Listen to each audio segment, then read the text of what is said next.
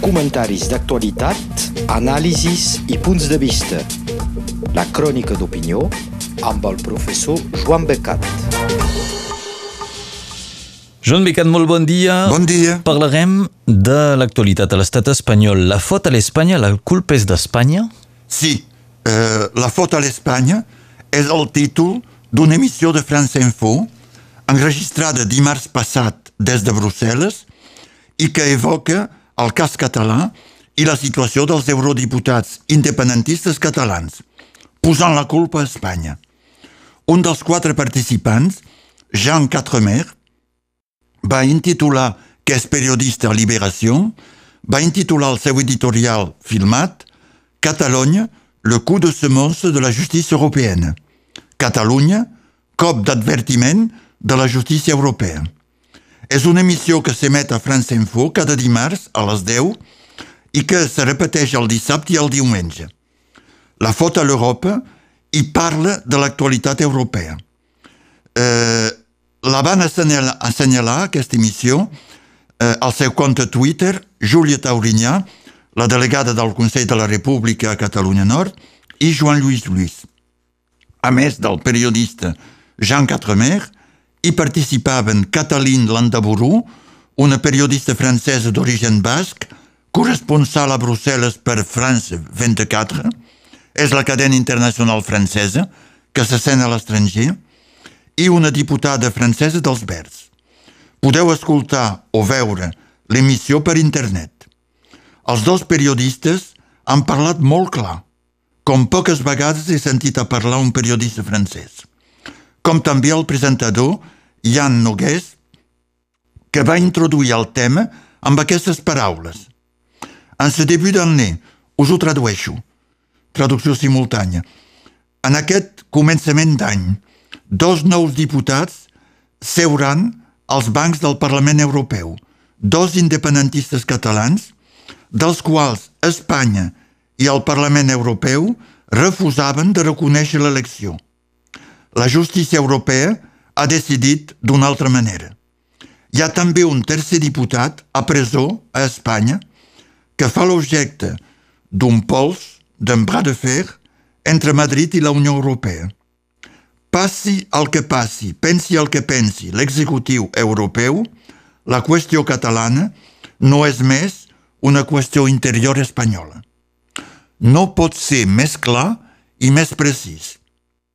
En el seu editorial, el Jean Quatremer evoca el passat a Espanya, les trampes del Tribunal Suprem, de la Junta Electoral espanyola i constata, citació que tradueixi. Les juges, els jutges de Luxemburg no han tingut por de passar sobre el cos dels estats quan se tracta de confortar el projecte comunitari.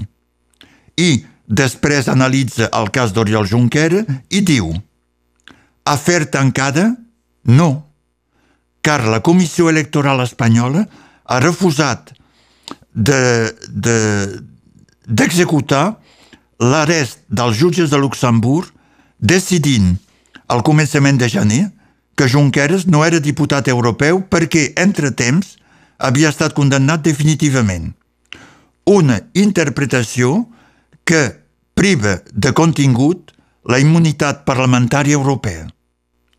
Esperem, doncs, amb impaciència, el pròxim arrest de la Cort de Justícia que no li agrada gens que li trepitgin els peus.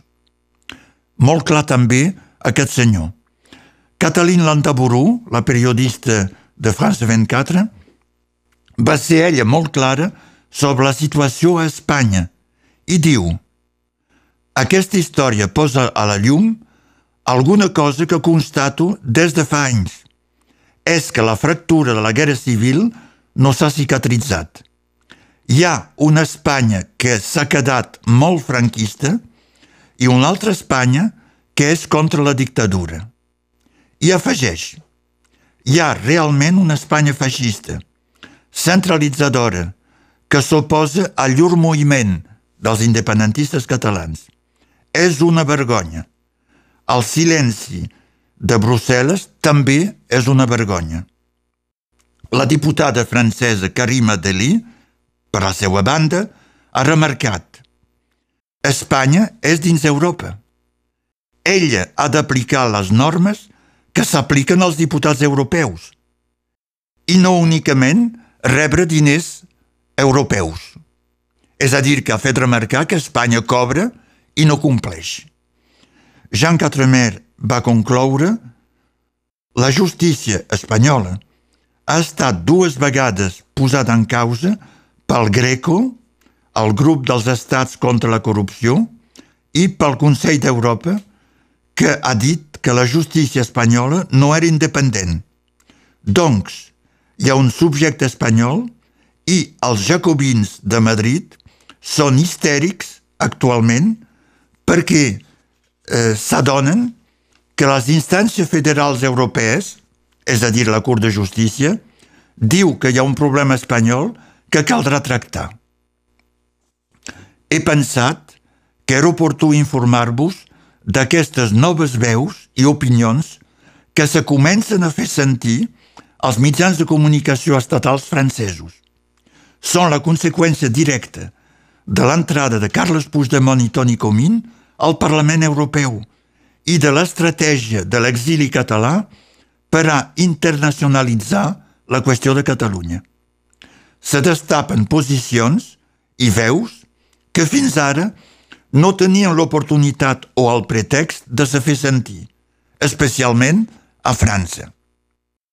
A més d'això, la setmana ha vist les primeres intervencions de Carles Puigdemont i Toni Comín al Parlament d'Estrasburg, el dia mateix de la reunió i l'endemà, sempre picant sobre ferro roent. Serà així d'ara endavant.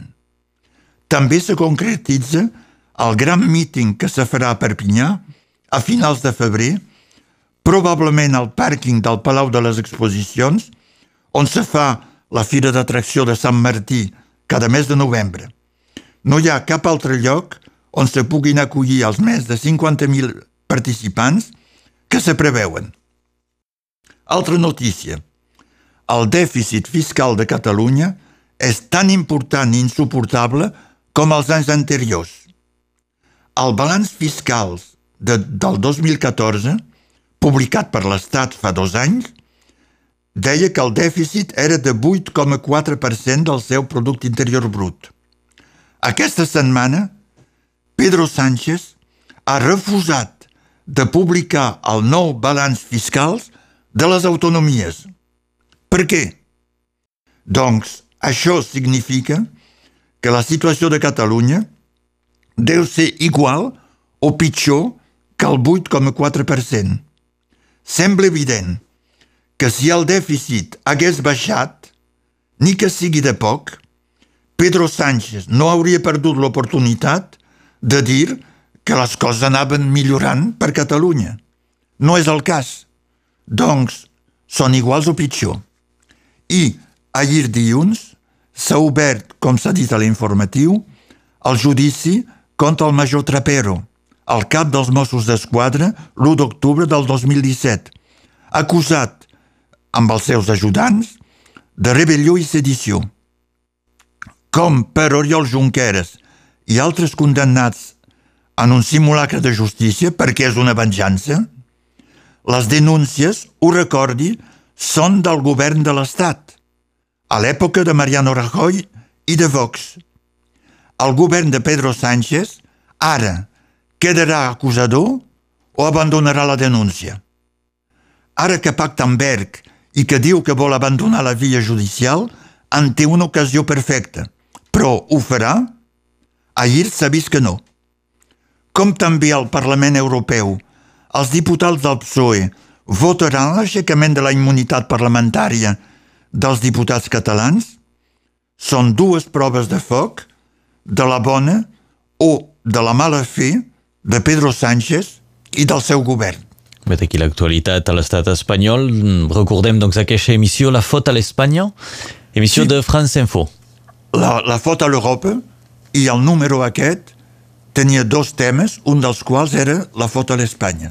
Segurament que es pot eh, veure encara en podcast sí, per sí. internet. Sí, sí. Feu France Info, feu la foto a l'Europa i, i, i ho teniu en podcast.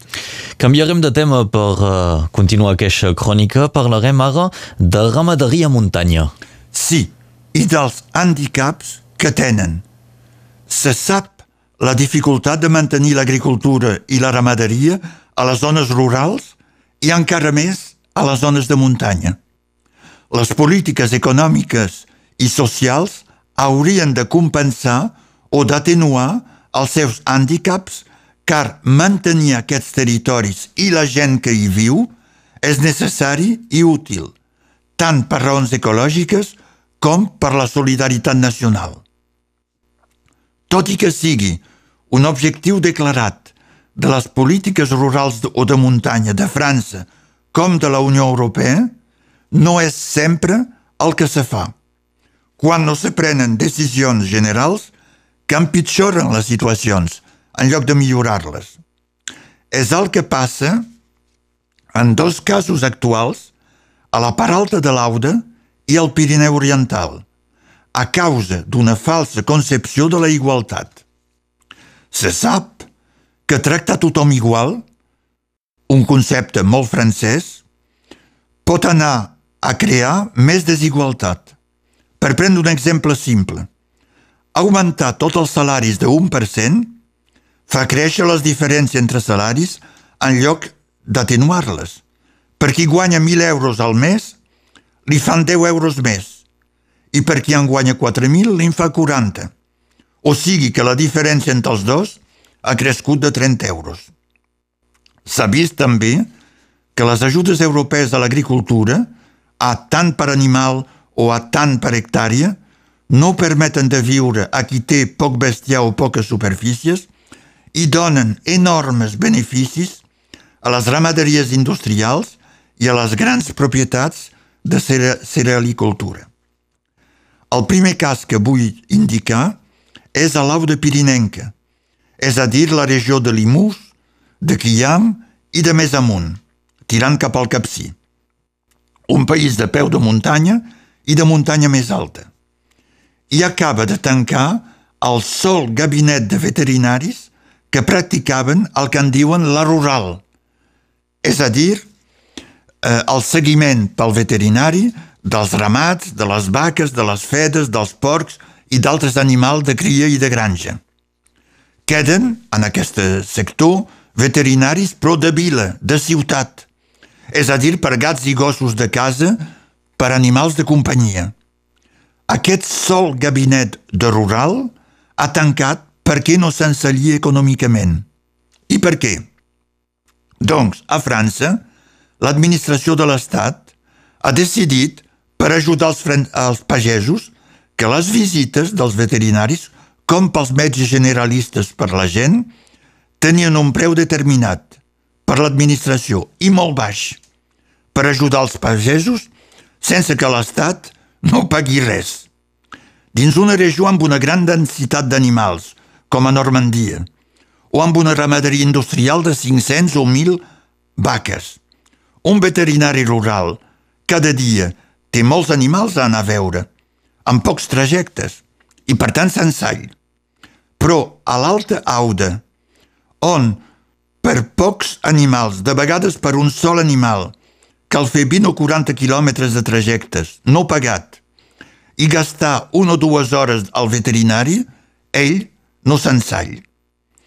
Eh, penseu que amb el mateix temps, un veterinari de ciutat, a qui porten els gats i els gossos al gabinet, faria 4 o 5 visites o més, i per tant s'ensall. Evidentment, amb una compensació pel cost dels trajectes, ja millorarien les coses.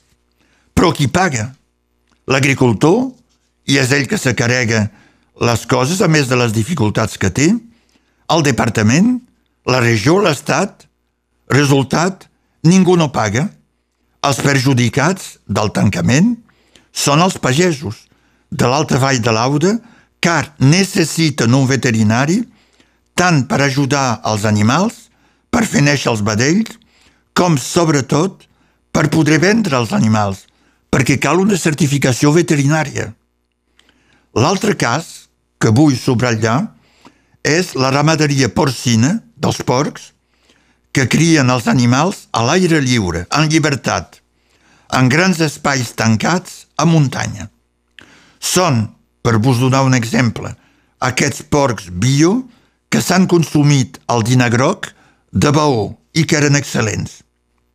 Venien de Montferrer i n'hi ha d'altres ramaderies d'aquest tipus a Catalunya Nord. A llavors, com que a Bèlgica han aparegut allà al nord de França han aparegut casos de pesta porcina africana que se transmet a l'home, que no se transmet a l'home, perdó, s'ha tancat la frontera amb Bèlgica i dins tot el territori francès fins al sud a Catalunya Nord s'ha decidit que totes les ramaderies porcines havien de ser aïllades amb tanques d'un metre i mig d'alt i electrificades per evitar el contacte amb els cinglars. Si això se pot fer sense gaire cost per una granja, per una ferma o una ramaderia intensiva, en el cas de la ramaderia a l'aire lliure, a casa nostra, representa molts quilòmetres de tanques per cada pagès, amb un cost prohibitiu que pot portar a l'abandó de l'activitat. Per tant, o se deroga la norma tots igual i espavileu-vos, o, com pels veterinaris de l'Auda, se troba una ajuda per fer el cost més suportables. De totes maneres, és el pagès que hi perdrà, perquè li caldrà, malgrat tot, pagar una part d'aquesta tanca i gastar molt més sous que el previst per continuar a nos procurar una bona carn i mantenir el nostre territori. Bé, d'aquí el comentari sobre la ramaderia que fèiem avui amb companyia del nostre col·laborador Joan Becat. Moltes gràcies per haver estat amb nosaltres. Bon dia a totes i a tots. Comentaris d'actualitat, anàlisis i punts de vista. La crònica d'opinió amb el professor Joan Becat.